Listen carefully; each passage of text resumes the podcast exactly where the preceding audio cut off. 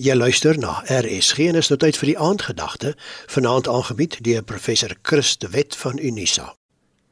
In Galasiërs 5 vers 22 lees ons 'n pragtige vers wat Paulus skryf oor die vrug van die Gees. U het dit dalk al gelees.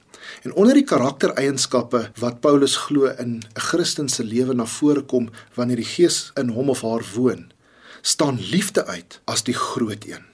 Nou laas maand was Valentynsdag en almal was besorg oor liefde en om vir iemand ietsie mooi te koop en mense wou net liefde wys. Maar een van die groot raaisels in die mensdom natuurlik is, wat is die liefde? Vir baie mense is liefde 'n iets. Dit is iets wat ek doen. Dit is iets wat ek gee of dit is iets wat ek sê. So verwys hulle mos in die populêre sielkunde na die sogenaamde liefdestale of love languages. En dan sê hulle mense druk liefde op verskillende maniere uit. En dit is hoekom ons soms nie mekaar se liefde verstaan nie, want ek sien liefde as iets anders. Een persoon gee op een manier liefde en 'n ander persoon op 'n ander manier. Maar in die Bybel is die liefde nie iets nie, maar iemand. Wanneer ons 'n teks soos 1 Korintiërs 13 lees, dan sien ons dat Paulus vir liefde karaktereienskappe selfs gee. Hy sê die liefde is geduldig, dit is vriendelik, dit hou nie boek van die kwaad nie.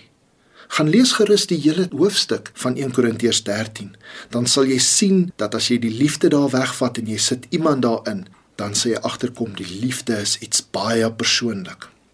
Jy kan slegs die liefde ken in die vorm van 'n iemand.